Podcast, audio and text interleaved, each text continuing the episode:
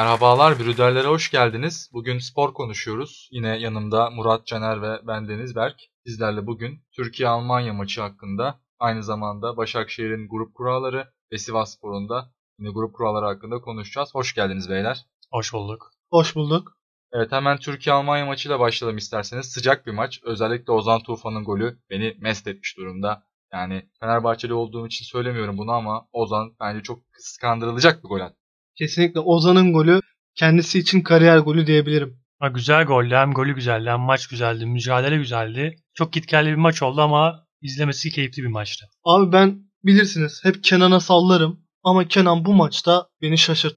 Efecan'ı da ilk defa görüyorum. Adam Kartal'da oynamış, Sarıyer'de oynamış, bizim kulüpte oynamış ama şimdi Alanyalarda. Helal olsun valla. Ya zaten Joachim Löw'ün de Efecan hakkında inanılmaz pozitif yorumları vardı. Bence bu yaşa gelmiş bir futbolcu için özellikle Löw gibi bir teknik adamdan çok muazzam sözler yani. Gerçekten tebrik etmek lazım Efecan'ın da. Evet Caner istersen yavaştan Şampiyonlar Ligi gruplarına geçelim. Temsilcimiz Başakşehir'in gruplarını senden bir dinleyelim. Hemen aktarıyorum sizlere. Başakşehir'in rakiplerinden Fransa'nın liderlerinden Paris Saint Germain var. Hemen bakıyoruz İngiltere'nin veteranlarından Manchester United ve tabii ki de yeni yeni yükselişe geçmiş bir takım Almanya'dan Leipzig. Evet bu grup zaten çok dertli bir grup yani adeta ölüm grubuna düştü Başakşehir. Tabii ki Leipzig'i artık çok yakından tanıyor halkımız çünkü Sörlot'un bu transfer döneminde olay bir sansasyonel bir transferi vardı Leipzig'e. Yani o konu hakkında ne düşünüyorsunuz siz? Sizce Sörlot'un bu davranışları, Trabzonlu yöneticilerin telefonlarına çıkmaması, Türkiye'ye gelmemesi, Trabzon'a dönmemesi nasıldı sizce bu süreç? Valla Murat seni bilmem ama bildiğin adam ekmeğine yağını sürdü Trabzon'da. Reçelini de sürdü. Yedi. Trabzon'u çok güzel kullandı. Sen ne dersin bilemiyorum. Adam zaten yani düşünüp gelmiş. Kendini koruyarak gelmiş. Yani satın alma maddesi var. Sözleşme yapılırsa bir 9 milyonluk daha maddesi vardı. E adam daha gelirken demiş yani ben burada kalıcı değilim. Oynarım, iyi oynarsam, parlarsam giderim diye gelmiş adam. İyi oynadı, gol kralı oldu, gitti nitekim de. Evet Trabzon'da 49 maçta 33 gol atmış kendisi. Ya ama şöyle bir süreç var bence. Burada her ne olursa olsun futbolcular sonuçta kontratlı oyuncular ve bence sözleşmesine sadık kalmalıydı. En azından bu transfer işlerinde telefonlara çıkmama gibi ya da yöneticilerin hani bu tavrına kulak asmamak gibi davranışlar çok yanlış bence. O yüzden burada etik bir hatası var. Yani herhangi bir oyuncu için geçerli bu. Sadece Sörloth için geçerli değil. Bence kontratı neyse ona devam etmeli. Yani elbette transfer olmak isteyebilir ama bence bunu bu kadar direterek yani Türkiye gelmeyerek yapmamalıydı. Kesinlikle katılıyorum Berk sana. Evet, diğer bir rakip Paris Saint Germain. Onlar da kadrolarına bayağı bir isim kattı. Özellikle e, Rafinha olsun Barcelona'dan, yine Florenzi kadrolarına kattılar Roma'dan. Caner nedir notların bu konuda? Hemen söyleyeyim abi. Dediğim gibi Roma'dan Florenzi'yi aldılar sağ bek. Serie A'da 14 maça çıkmış, bir gol atmış. Sezon yarısında Valencia'ya kiralanmış. Orada da 12 maçta hiçbir katkısı yok. Ondan sonra Rafinha'yı kiralamış, almışlar bedelsiz pardon. O da Celta Figo'da 32 maçta 4 gol atmış. Geçen sezon kiralıkmış. Ortadan ön libero Danilo Pereira'yı almışlar. 40 maçta 2 gol atmış Pereira. 29 yaşında bence hiç güzel bir performans değil ve 4 milyonu da kiralamışlar. Hemen bakıyorum Icardi kiralıktı. Bonservisini almışlar hem de 50 milyona. 34 maçta 20 gol 4 asist yapmış Icardi. Ve son olarak bu son dakika bir haber. Yani transfer dakikalarında Keane'i kiralamışlar abi. Everton'dan 33 maçta 2 gol 2 asist yapmış Keane. Murat sen neler demek istersin PSG için? Ha, Paris Saint Germain zaten yani yıllardır domine ediyor. Yine domine edecek. Ya bence Paris Saint Germain'in kurduğu takım yine iddialı bir takım ama ben Şampiyonlar Ligi şampiyonluğu için hiç iddialı görmüyorum. Tabi aslında Başakşehir parametresinden değerlendirmek lazım bu durumu. Dolayısıyla bu kadronun hani Şampiyonlar Ligi'nde başarılı olabileceğini düşünmüyorum ama belki kendi liglerinde o dominasyona devam edebilirler. Bence burada asıl dikkat çekici takım Manchester United çünkü çok iyi oyuncular geldi bu transfer döneminde. O oyunculardan bir tanesi özellikle Donny van de Beek. Kendisi Ajax'tan transfer oldu. Zaten Frankie de Jong'la birlikte oynuyorlardı orada. Frankie bildiğiniz gibi Barcelona'ya gitmişti. Donny van de Beek, Pogba ve Bruno Fernandes orta sahası adeta benim rüyalarıma girecek bu orta saha. Çok yaratıcı. Aynı zamanda çok ayaklarına hakim bir orta sahaları var. Yine ön tarafta Cavani hamlesi geldi. Sol beki Alex Telles geldi. Zaten öndeki hücumcuları da iyiydi. Mason Greenwood gibi genç yetenekleri var. Yine Martial, Rashford ikilisinin orada dönüşümle oynadıklarını biliyoruz. Ya bence müthiş bir kadrosu var United'ın ama stoperlerinde bence yine e, iş yok bu sene. Stoper konusu sanırım United'ın başına bela olacak. United'ın tek çıkışı bence Çağlar'ı alırlar. Kesin ucunu açarak. Bu şekilde olur. Onun dışında pek de stoperleri yok. Evet ben United hakkında şunu söyleyebilirim. İşte ağlıkları oyuncu hakkında. Cavani geçtiğimiz sezon 22 maçta 7 gol atmış ama tabii Icardi faktörü vardı orada. Forma şansı bulamıyordu. Sakatlıklar falan. Telles de abi sol bek olmasına rağmen 49 maçta 13 gol 12 asist yapmış. 15 milyon gibi bir rakama gelmiş. Sizce bu rakam fazla mı Telles için yoksa az mı? Bence az. Teres'in piyasası çünkü 30-40 milyon gibi bir ücret düşünülüyordu. Gitti 15 milyona. Yani koronadan düştü diyelim. Yani 40'tan 30'a insin. İnmedi yani daha çok indi. O 15'e düştü. 15'e düşünce bu sefer Galatasaray'ın sonradan satın alma payı da düştü. Kuş kadar bir şey kaldı. Ya pek bir işe yaramadı. Ya bence burada işte pandemiyle birlikte aslında futboldaki ekonominin de değiştiğini gözlemliyoruz. Hem Icardi hem Teles açısından baktığımız zaman bence biraz düşüğe gittiler. Ama dediğimiz gibi Başakşehir parametresinden bakıyoruz. Yani Başakşehir'in ben bu grupta alacağı puanın maksimum 4 olacağını düşünüyorum. Bunu üzülerek söylüyorum. Çünkü karşısındaki rakipler çok dişli. Özellikle Manchester United deplasmanı olsun, Leipzig deplasmanı olsun. Her ne kadar seyircisiz olursa olsun bunlar zor deplasmanlar ve bunlar çok iyi takımlar gerçekten. Hani Paris Saint Germain yıllardır bir yapılanma arıyor ama ben mesela Başakşehir'in 4 puan toplayacağını düşünüyorum ama sizin daha böyle sansasyonel bir fikriniz var mı grupların nasıl sonuçlar konusunda? Ya maksimum 4 puan. O da işte Leipzig'i veya Manchester United şansa böyle şans da demeyeyim. Çok denk gelecek. Oyun planı tutacak. Bir şeyler olacak. Böyle Vişça ile İrfan Allah'ım bugün maç kazanmalıyım diye böyle kalkacaklar o gün de öyle maç kazanacaklar. Ya Bir 3 puan öyle alırlarsa alırlar. Ya Bir de iyi kapatırlar. Hasan Ali Mbappe'yi böyle yine yıldırır, öldürür. Bir, bir puan da o şekilde alırlar. En fazla 4 olur. Ya ben de aslında şunu demek istiyorum. Zamanında Beşiktaş gruptan namalip çıktığında 3. olmasını bekliyorlardı. Puan almasını böyle beklemiyorlardı. Ben Başakşehir'in, Başakşehirli oyuncuların Şampiyonlar Ligi'nde çok farklı bir performans sergileyeceğini düşünüyorum. Senin dediğin gibi 4 puanla alabilirler, 3 puanla alabilirler ama ben United oynayacağı en maçını ve Leipzig'le oynayacağı en maçından galibiyetle ayrılacağını düşünüyorum. Ben 3. olabilir diye düşünüyorum ya. Belki biraz hayallere kalıyorum ama 3. olur diye beklentim var. Biraz da fikstüre de bakmak lazım. Atıyorum Paris Saint Germain ya da United'ın bir tane önemli derbisi olur, bir maçı olur, bir rotasyon falan yapmayı denerlerse hani Başakşehir'i biraz daha kolay görüp belki o şekilde bir sürpriz yapılabilir. Ama o da işte biraz fikstüre bağlı. Tabii. Şeyde söylemedik. Başakşehir'in transferlerinde söylemedik. Hemen hızlı hızlı geçeyim. Fener'den biliyorsunuz Hasan Ali ile Deniz Türüncü aldı. Rafael geldi ve Çetli'yi de renklerine bağladılar. Berk neler diyorsun? Ya Deniz transferi zaten son dakikalarda olmuş bir transfer. E, Vişça ile sözleşme yenilediler mesela ama bence Deniz'in de varlığı orada biraz rahatlatacaktır. Tabii Vişça'nın da Fenerbahçe gelme durumu bayağı artmıştı aslında son dakikalarda. Ama kaldı, yuvada kaldı Vişça ve sözleşmesini 2025 yılına kadar uzattığını açıkladılar. Bence Başakşehir açısından iyi bir iç transfer oldu. Çünkü Vişça bence ligimizin en değerli oyuncusu yıllardır. Özellikle o gösterdiği o kanat performansını bu kadar istikrarlı şekilde sürdürebilen bir kanat oyuncusu yok. Bence siz yani biliyor musunuz bilmiyorum ama Vişça'nın performansı yıllardır hep aynı düzeyde. Hiç azalmıyor, hep artıyor. O yüzden dominasyonu çok iyi olan bir oyuncu. Yani bek rotasyonlarını genişlettiler. Kanatlara takviye yaptılar. Ama sonuçta ligde de 4 maçta hiç gol atamamanın da bir açıklaması yok bunların yanında. Bakalım göreceğiz. Yani Başakşehir umarım ülke puanına katkı sağlar. Hepimizi yanıltır. Kimimiz 4 puan alır dedik, kimimiz 3 puan alır dedik, kimimiz gruptan çıkabilir dedik.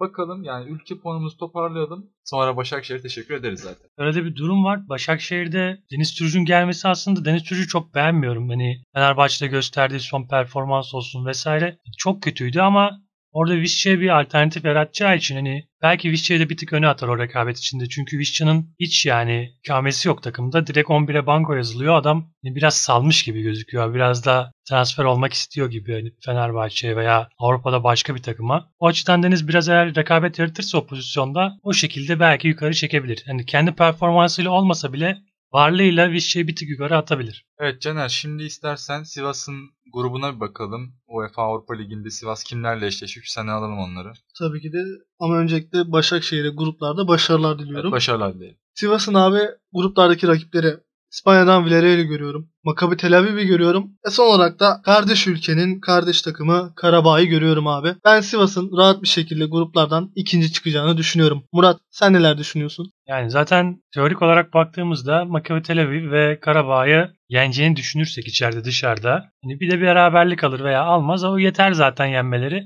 Grupta ikinci olarak çıkarlar. Çıkamazlarsa bence zaten bir başarısızlık söz konusu olur. Onda zaten Rıza Çalınbay üstlenir o başarısızlığın sorumluluğunu. Beni şüphelendiren tek şey burada takımdan önemli oyuncuların ayrılması. Çünkü Mert Hakan Yandaş ve Emre Kılınç bu takımın her şeydi neredeyse. Tabii yine orta sahada Hakan Arslan gibi bir dinamo var. Yılların tecrübesi var. Bu belki yine onlar için bir güven kaynağı olabilir ama özellikle yaratıcılık konusunda sanki eski güçlerinde değiller. Ama yine de Sivas Spor gibi bir takımın, Sivas gibi bir futbol şehrinin bence kendisini gruplardan daha çok ileri giderek oraya konumlandırması lazım. Ben buradan Sivas'ın gruptan çıkacağını düşünüyorum. Yani çıkamazsa çok büyük sürpriz olur. Ülke puanından da bahsettik. Yani ülke puanı da çok gerekli bu aşamada. Dolayısıyla ben Sivas'ın zorlanmadan çıkacağını düşünüyorum. İnşallah da öyle olur. İnşallah dediğiniz gibi olur. Çünkü eğer ki Başakşehir ve Sivas gruplardan çıkamazsa gelecek sezon Şampiyonlar Ligi'ne gruplara takım gönderemiyoruz.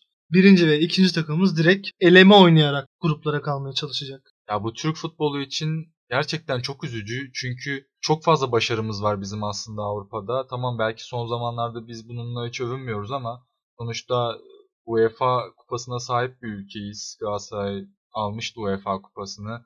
Aynı zamanda Fenerbahçe'nin yine yarı finali var yakın zamanda. Çeyrek finallerimiz var yine Galatasaray Fenerbahçe'de. Biz bunlara alışığız aslında ama kendimizi çok uzak tutuyoruz oradan. Kardeşim Beşiktaş'ın da var. Beşiktaş'ın zaten var ki hani o Tolga Arslanlı dönemde o Liverpool'un elenmesi falan onlara hiç girmiyorum bile zaten. Ya dediğimiz gibi bu ülkeye yakışan şey bu ülkenin futbolunu en üst seviyede göstermek. Dolayısıyla umarım iki kulübümüz de buradan hani fire vermeden çıkar en azından ne kadar ülke puanını kazandırabilirlerse bizim için kardır. Biz galiba ülke puanında 13 ya da 14. sıraya düşüyoruz. Yine eğer hiçbir puan alamazsak ki transfer harcamalarına baksak, oyuncu maaşlarına baksak 13. 14. sırada değilizdir dünyada. Yani harcamalar bazında bakıldığı zaman çok büyük bir başarısızlık var. Yani direkt Türk futbolunun genel sorununa değindim bunu konuşmak için 10-20 tane program bile yetmez. O yüzden biz burada hani bu konuya girersek gerçekten can sıkıcı bir hale gelir. Çünkü Türk futbolunun yıllardır kurtulamadığı bir finans sorunu var. Evet abi o finans sorununa girersek şimdi ben bir Beşiktaşlı olarak buradan kaçmam gerekecek. O yüzden pek o konulara girmeyelim. Yani bizim de halimiz senden farklı değil. Yani kardeşim yıllardır Beşiktaş'ın durumu ortada. Demirören zamanı olsun, Fikret Orman dönemi olsun. Görüyorsunuz. İşte bütün kulüpler kar etmezse oraya gelecek zaten. O zaman biraz Sivas'ın grubundaki takımlardan da bahsedelim. Mesela Villarreal'i takip eden var mı aranızda? Ben bir zamanlar çok takip ediyordum şahsen. Enes Ünal gitmişti. O dönem herkes takip ediyordu. Daha sonra Enes'in takımı değişti. Ondan sonra bir salındı. Zaten yani İspanya Ligi'nde yani Real Madrid, Barcelona dışında çok da takip edilen takım kim vardır? Atletico Madrid vardır. Valencia vardır. Belki katılan nüfustan Espanyol çok takip ediliyordur. Onun dışında çok Villarreal taraftarı yok Türkiye'de. Yani kadroları iyi bence. Özellikle orta sahalarında yaratıcı isimler var. Ama ya her ne olursa olsun Sivas bir direnç gösterebilirse bence özellikle buradaki maçta, Sivas'taki maçta belki hani bir puan alma yolunda bir şansı olabilir. Keşke 3 puan alsa. Tabii gönüllerimizden geçen bu ama en azından sanki Karabağ ile Makabi maçlarını biraz daha garantiye alsa daha iyi olacak gibi. Çünkü ha birinci çıkmış ha ikinci çıkmış pek fark etmiyor. Ama diğer takımlar yani özellikle Karabağ son yıllarda bayağı kendisine Avrupa sahnesinde yer buldu. Onlar iyi gidiyorlar yani gerçekten. Sürekli kendilerinden söz ettiriyorlar. Maccabi Tel Aviv'e gelince de Zahavi aslında Türkiye gündemine çok oturdu bu konuda. Fenerbahçe süren bir dedikodusu vardı Zahavi'nin. Hatta oyuncu kendi Instagram storiesinden de Fenerbahçe ile alakalı görseller paylaştı. Ama o işin sonu biraz siyasete gitti ve sanırım Fenerbahçe oradan elini çekti. Belki de hiç konuşmadı bile bilmiyorum. Belki bunların hepsi bir pazarlama taktiği olabilir. Ama eninde sonunda o da PSV Eindhoven'a gitti. Onun dışında Maccabi'nin de aslında ben Sivas'a sorun çıkartacağını zannetmiyorum. Karabağ hakkında şunu söylemek istiyorum. Karabağ bildiğiniz üzere Şampiyonlar Ligi'nde 3 öneleme oynadı. İkisini yendi. Son önelemede Molde ile berabere kaldı. Penaltılarda maalesef UEFA'ya düştü. UEFA'da da Lig Varşova'yı deplasmanda 3-0 yenerek gruplara kaldı. Karabağ da küçümsenecek gibi değil. Yani evinde çok farklı oynuyor. Sivas tabii biz galibiyet alır diye düşünürüz ama maç günü ne olur? Vallahi hiç bilemiyorum. Orada Villarreal maçında yani Rıza Avcı'nın klasik taktiğidir böyle. Bir- Biraz büyük takıma karşı böyle kapanıp hızlı çıkmak. e, topu hızlıca ileriye taşıyıp gol atmak, kontratak yapmak. Yani bu tarz bir oyun planıyla belki bir galibiyet de gelebilir, beraberlik de gelebilir. Ya hiç belli olmaz. Form durumuna da bağlı. Sivas Spor belki de ezebilir yani hiç belli olmaz. Berk ne yapalım? Yavaş yavaş lige geçelim mi? Evet yavaş yavaş lige geçelim. Milli aradı şu an. Tabii milli ara bittikten sonra ligimizin heyecanı da devam edecek. İstersen Caner sen bir fikstürü bize şöyle bir söyle. Önemli maçları, takip etmemiz gereken maçları bir söyle. Biz de ona göre yorumlayalım. Hemen şöyle başlayalım o zaman. Ligimiz 17 Ekim'de başlıyor. Bu cumartesi lig başlıyor yeniden. İlk maçımız Çaykur Rize Ankara gücü. Arkasından Kayseri Sivas, Konya Malatya ve Trabzon Başakşehir. Cumartesi günü Trabzon Başakşehir çok konuşulacak bir maç. Murat kimi favori görüyorsun? Trabzon evinde. Yani zaten Başakşehir 4 maçta hiç gol atamadığı için ve çok kötü gittiği için doğal favori Trabzonspor tabii ki. Ama yani Başakşehir bilmiyorum o kadar kötü de oynanıyor mu yerin dibine sokulacak kadar hiç varlık gösteremeyecekmiş gibi o derecede kötü oynuyor mu? Bence o kadar kötü oynamıyor. Yani bu maç bence hani o kadar şey olmaz. Tek taraflı geçecek bir maç olmaz. Şu ayrıntıya da vereyim. Tamam Başakşehir 4 haftada bir beraberlik, 3 mağlubiyet aldı ve hiç gol atamadı. Trabzon'da Başakşehir'den farklı değil. 4 haftada bir galibiyet, 2 beraberlik, 1 mağlubiyet aldı. 5 attı, 5 yedi. Berk, Başakşehir gol orucunu bu maçta bozabilir mi? Bence bozması şart. Yani üst üste 5 maçta gol atamamış bir son şampiyon ben daha önce hiç duymadım. Çok ilginç değil mi? Yani evet rakipleriniz değişebilir. Teknik adamlar değişebilir. Oyuncular gidip gelebilir ama her ne olursa olsun yani artık bir yaşam göstergesi vermeniz lazım. Bir detay daha vermek istiyorum. Bu maçtan 3 gün sonra da Başakşehir Leipzig maçına gidiyor. Ya bu deplasmanda olacak maç aslında çok büyük sıkıntı çünkü dediğimiz gibi Başakşehir 4 maçtır gol atamıyor ve bu maça asılacaklardır eminim. Ama buradan da tekrar şimdi Almanya'ya gidip Leipzig deplasmanında bu Şampiyonlar Ligi mücadelesini vermek ne kadar onlar için yorucu olacak olmayacak bilemiyorum. Ama eminim ki şunu biliyorum bu maçı kazanırlarsa oraya moral motivasyon olarak iyi bir seviyede gidecekler. Çünkü yazılı olmayan kurallardan birisidir. Eğer ligde kazanıyorsanız Şampiyonlar Ligi'nde de o maça motive çıkarsınız. Her zaman benim savunduğum felsefe. Evet, bakalım bu maç nasıl sonuçlanacak gerçekten merak ediyorum. Trabzon'da da çok eksikler var. Ben bu maçın tabii ki de gene beraberlik ile sonuçlanacağını düşünüyorum. Yani gene bir golsüz beraberlik görebiliriz. Hemen pazar gününe geçiyorum.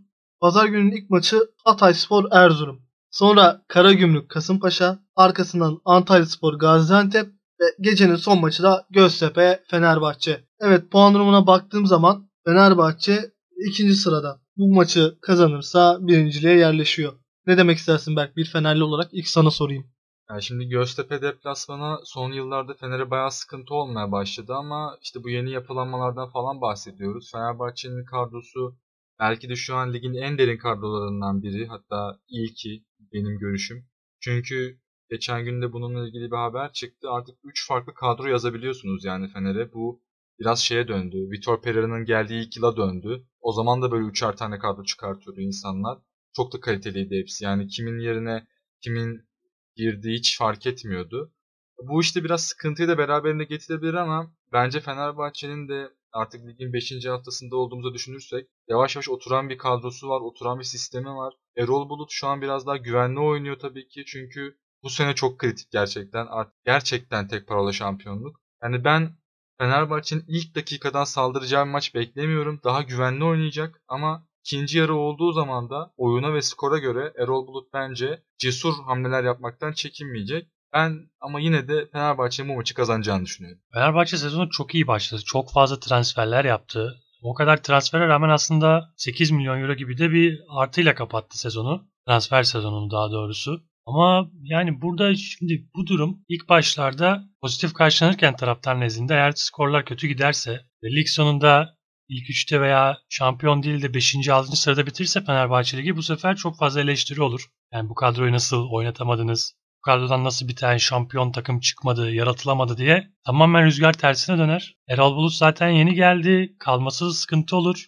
Ali Koç zaten biraz topun ağzında kredisi azalıyor yavaş yavaş. Bu sefer Ali Koç için de çanlar çalmaya başlar. O yüzden bu sene çok kritik. Gerçekten başarı gereken bir sene. Ben Fener'in transferleriyle artık form yakaladığına inanıyorum. Göztepe deplasmanından da 3 puanlı döneceğini tahmin ediyorum. Son olarak pazartesi günü yani 19 Ekim'de de oynanacak iki maç var. Galatasaray Alanya Spor, Gençler Birliği Denizli Spor. 5. hafta ligde sadece Beşiktaş maç yapmıyor. Bildiğiniz üzere ligde 21 takım var ve bir takım bir haftayı bay geçiyor. Alanya Spor çok güzel bir form yakaladı Muazzam. ve şu an lider konumda. Galatasaray'da tam tersi bir şekilde bir form yok. Kötü sonuçlar geliyor. Galatasaray Alanya'ya mağlup olur mu? Ya bence olmaz. Bence ortada bir maç. Yani benim için tam beraberlik maçı. Şu yüzden bunu söylüyorum. Hani Alanya çok iyi başladı, iyi götürüyor. Galatasaray iyi başladı, kötüye döndü birazcık. Ama Galatasaray'ın kötüye gidişinde biraz da maç temposunun da etkisi var. Çünkü çok fazla üst üste maç oynadı. Ve 2-3 günde bir maç oynadığı dönem oldu.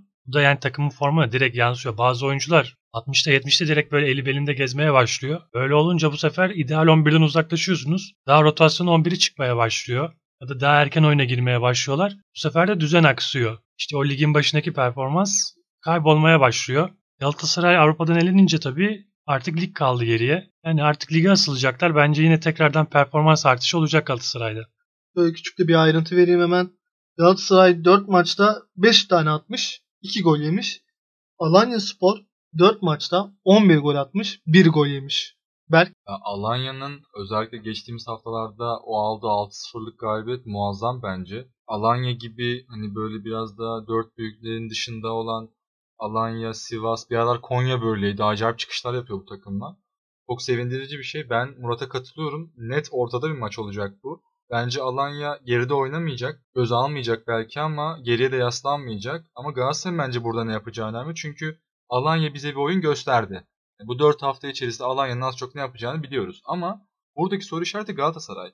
Galatasaray o kadar domine başladı ki lige. Hani o ilk iki maçı özellikle çok hızlı, çok kusursuz oynadılar yani. Ama ondan sonra bir düşüş süreci oldu. İşte bunu Rangers süreci takip etti. Gerrard'la Fatih Terim'in o maçın son dakikalarında girdiği argümanlar falan. Bunlar çok görmeye alışık olduğumuz şeyler değil. Tamam belki Avrupa'dan elinebilirsin ama yani önünde lig var. Ve bu senelik hani 21 takımla oynanıyor. Çok uzun bir maraton var.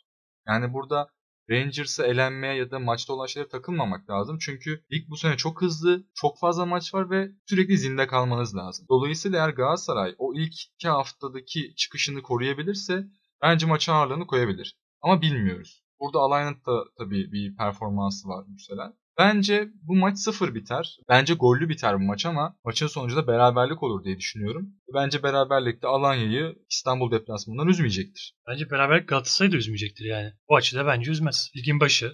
Galatasaray'ı üzmez ama taraftarı üzebilir. Ben taraftar da üzeceğini düşünmüyorum. Yani Galatasaray taraftarı olarak ben berabere biterse üzülmem.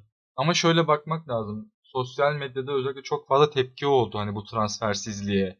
Özellikle diğer kulüpler örneğin Beşiktaş mesela onlar da aslında başarılı bir transfer süreci geçir bence. Çünkü yani yoktan var ettiler neredeyse. Oyuncuları aldılar. Tamam kalitesi belki tartışılır ama yine de ellerinde şu an alternatif bir kadro var.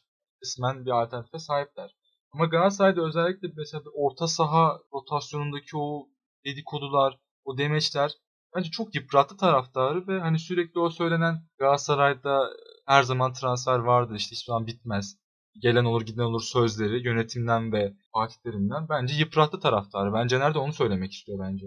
Yani şöyle Galatasaray'da transfer olmadı çünkü satamadı. Yani kiralıktı zaten takımın orta sahası geçen sezondan. Seri gitti, Lemine gitti. Yerine kimse gelmedi. Yani gelmedi çünkü işte Berlanda satılamadı, Feguli satılamadı. Marka'ya teklif var mıydı yok muydu spekülasyon oldu satılmadı sonuçta. Kimse satılmadı. Kimse satılmadığı için de transfer yapılamadı doğal olarak. O zaman ben yavaştan toparlıyorum. Bu hafta gördüğümüz kadarıyla Trabzon Başakşehir maçı var. Buradan herkesin ortak paydası beraberlik. Fenerbahçe'nin Göztepe deplasmanında galibiyet alacağını öngörüyoruz. Evet Galatasaray'la da Galatasaray Alanya'da ortak paydaya buluştuk. Onda da gene bir beraberlik olacağını öngördük. Alanya çok güzel bir yükselişte. Hemen arkasından Fener kovuluyor.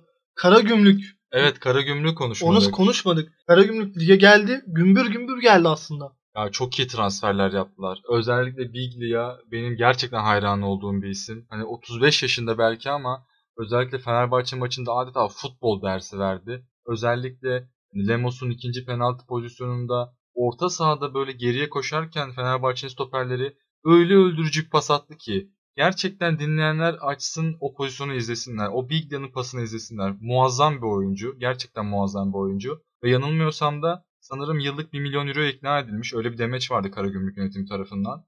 Ya muazzam transfer. Ben kesinlikle Fenerbahçe'yi isterdim. Hani orta sahadaki yaratıcılık konusunda, topu saklama konusunda, servis etme konusunda ligimizin çok çok üst düzeyinde. Big Dia'ya hayranım gerçekten ve Karagümrük'ün de komplike bir takım olduğunu düşünüyorum. Fenerbahçe maçında belki pozisyona giremediler. Hani golde penaltıdan geldi ama en azından savunma tarafında işini iyi yapıyorlar. Karagümrük bence bu sene çok can yakacak ve ligi üst sıralar tamamlayacak. Bana da öyle geliyor. Ondan sonra hemen bakıyorum. Gene ligimize yeni katılan Hatay Spor var. İlk haftada Başakşehir yendi biliyorsunuz. Fener'le berabere kaldı. Tamam geçtiğimiz haftalarda yani iki hafta öncesine dayanarak söylüyorum. Alanya'dan 6-7 ama Alanya üst düzey bir futbol oynuyor artık. Gördüğümüz o. O yüzden Hatay'ın da ben yüksek sıralarda bulunacağını düşünüyorum. Ya zaten Hatay Fenerbahçe maçında şöyle bir durum vardı. Fenerbahçe'nin yaratıcı oyuncu eksiği aşırı fazla belli oldu o maçta. Yani Sosa tek başına orayı hiç halledemedi. Kanatlarda bir dominasyon yoktu ve Hatay çok iyi savunma yaptı. Gerçekten çok iyi savunma yaptı. Hani tamam belki Fenerbahçe orada uzaktan şutlarla bir kaleyi yoklayabilirdi. Yani sürekli ceza sahasına ortalar, sürekli yerden oynamalar falan. Belki bunlara gerek kalmadan da fiş çekebilirdi. Ama Hatay'ı gerçekten tebrik etmek lazım. Hem Başakşehir'e karşı oynadığı maçta hem de Fenerbahçe'ye karşı oynadığı maçta uyuttu adeta. Alanya'dan 6 yiyebilir çünkü Alanya'da biraz daha açık oynadılar. Hani sonuçta Alanya Spor. Hani baktığınız zaman Hatay'la muadil bir takım gibi görünüyor. Ne kadar yeni lige çıksalar da. Yani onu ben pek umursamıyorum o maçın sonucunu. Bence hem Hatay hem de Fatih Karagümrük lige çok renk kattılar daha 4 haftadan. Umarım onlar da bu renkli performansına devam ettiler ki biz de daha iyi bir lig izleyebiliriz. Yani önemli olan zaten gidişat yani. iyi gidiyorlar. Arada bir 6-0'lık skor oldu ama yani Liverpool'da 7-7. Yani sonuç olarak çok da önemli değil bence. Atlatılabilir yaralar. Görüşleriniz için teşekkür ediyorum. Ligin son sırasında gördüğümüz gibi Başakşehir var. Umarım Başakşehir toparlanır. Toparlanmasını o kadar istiyorum ki Avrupa'da bizi temsil ediyor. Ülke, puanı, Evet. ülke puanı çok önemli. Avrupa'ya daha çok takım göndermemiz için Başakşehir'in ve Sivas'ın acilen kendini toparlaması gerek diyorum ve yavaştan kapatacaksak kapatalım. Çünkü çok işim var. Ben size sohbet etmek istemiyorum artık. Acil işim var abi. Geliyorum buraya beni saatlerce kilitliyorsunuz kardeşim. Yok futbol konuşalım, yok şey konuşalım. Basketbol konuş biraz ya. Sen de tenis konuş abi. Ne oldu Şarapova Şarapova he? Evet buraları programın girişinde kullanacağız artık. Abi kapatın dükkanı ya. Madem istemiyorsanız kapatın dükkanı abi. Evet daha fazla konuyu dağıtmayalım ve artık yavaştan kapanışa geçelim. Bizi dinlediğiniz için ve dinleyeceğiniz için tekrardan teşekkür ederiz. Bugün Türkiye-Almanya maçını, Başakşehir'in Şampiyonlar Ligi grubunu, Sivasspor'un da UEFA Avrupa Ligi grubunu konuştuk. Tabii önümüzdeki haftanın maçlarına da şöyle biraz değindik. Tekrardan teşekkürler. Ben Deniz Caner. dur dur. Görüşmek üzere. Ben Deniz Berk. Ben Murat. Ben Caner. Tekrardan görüşünceye dek hepinize sağlıklı, mutlu ve huzurlu bir gün diliyoruz efendim. Hoşçakalın. Hoşçakalın.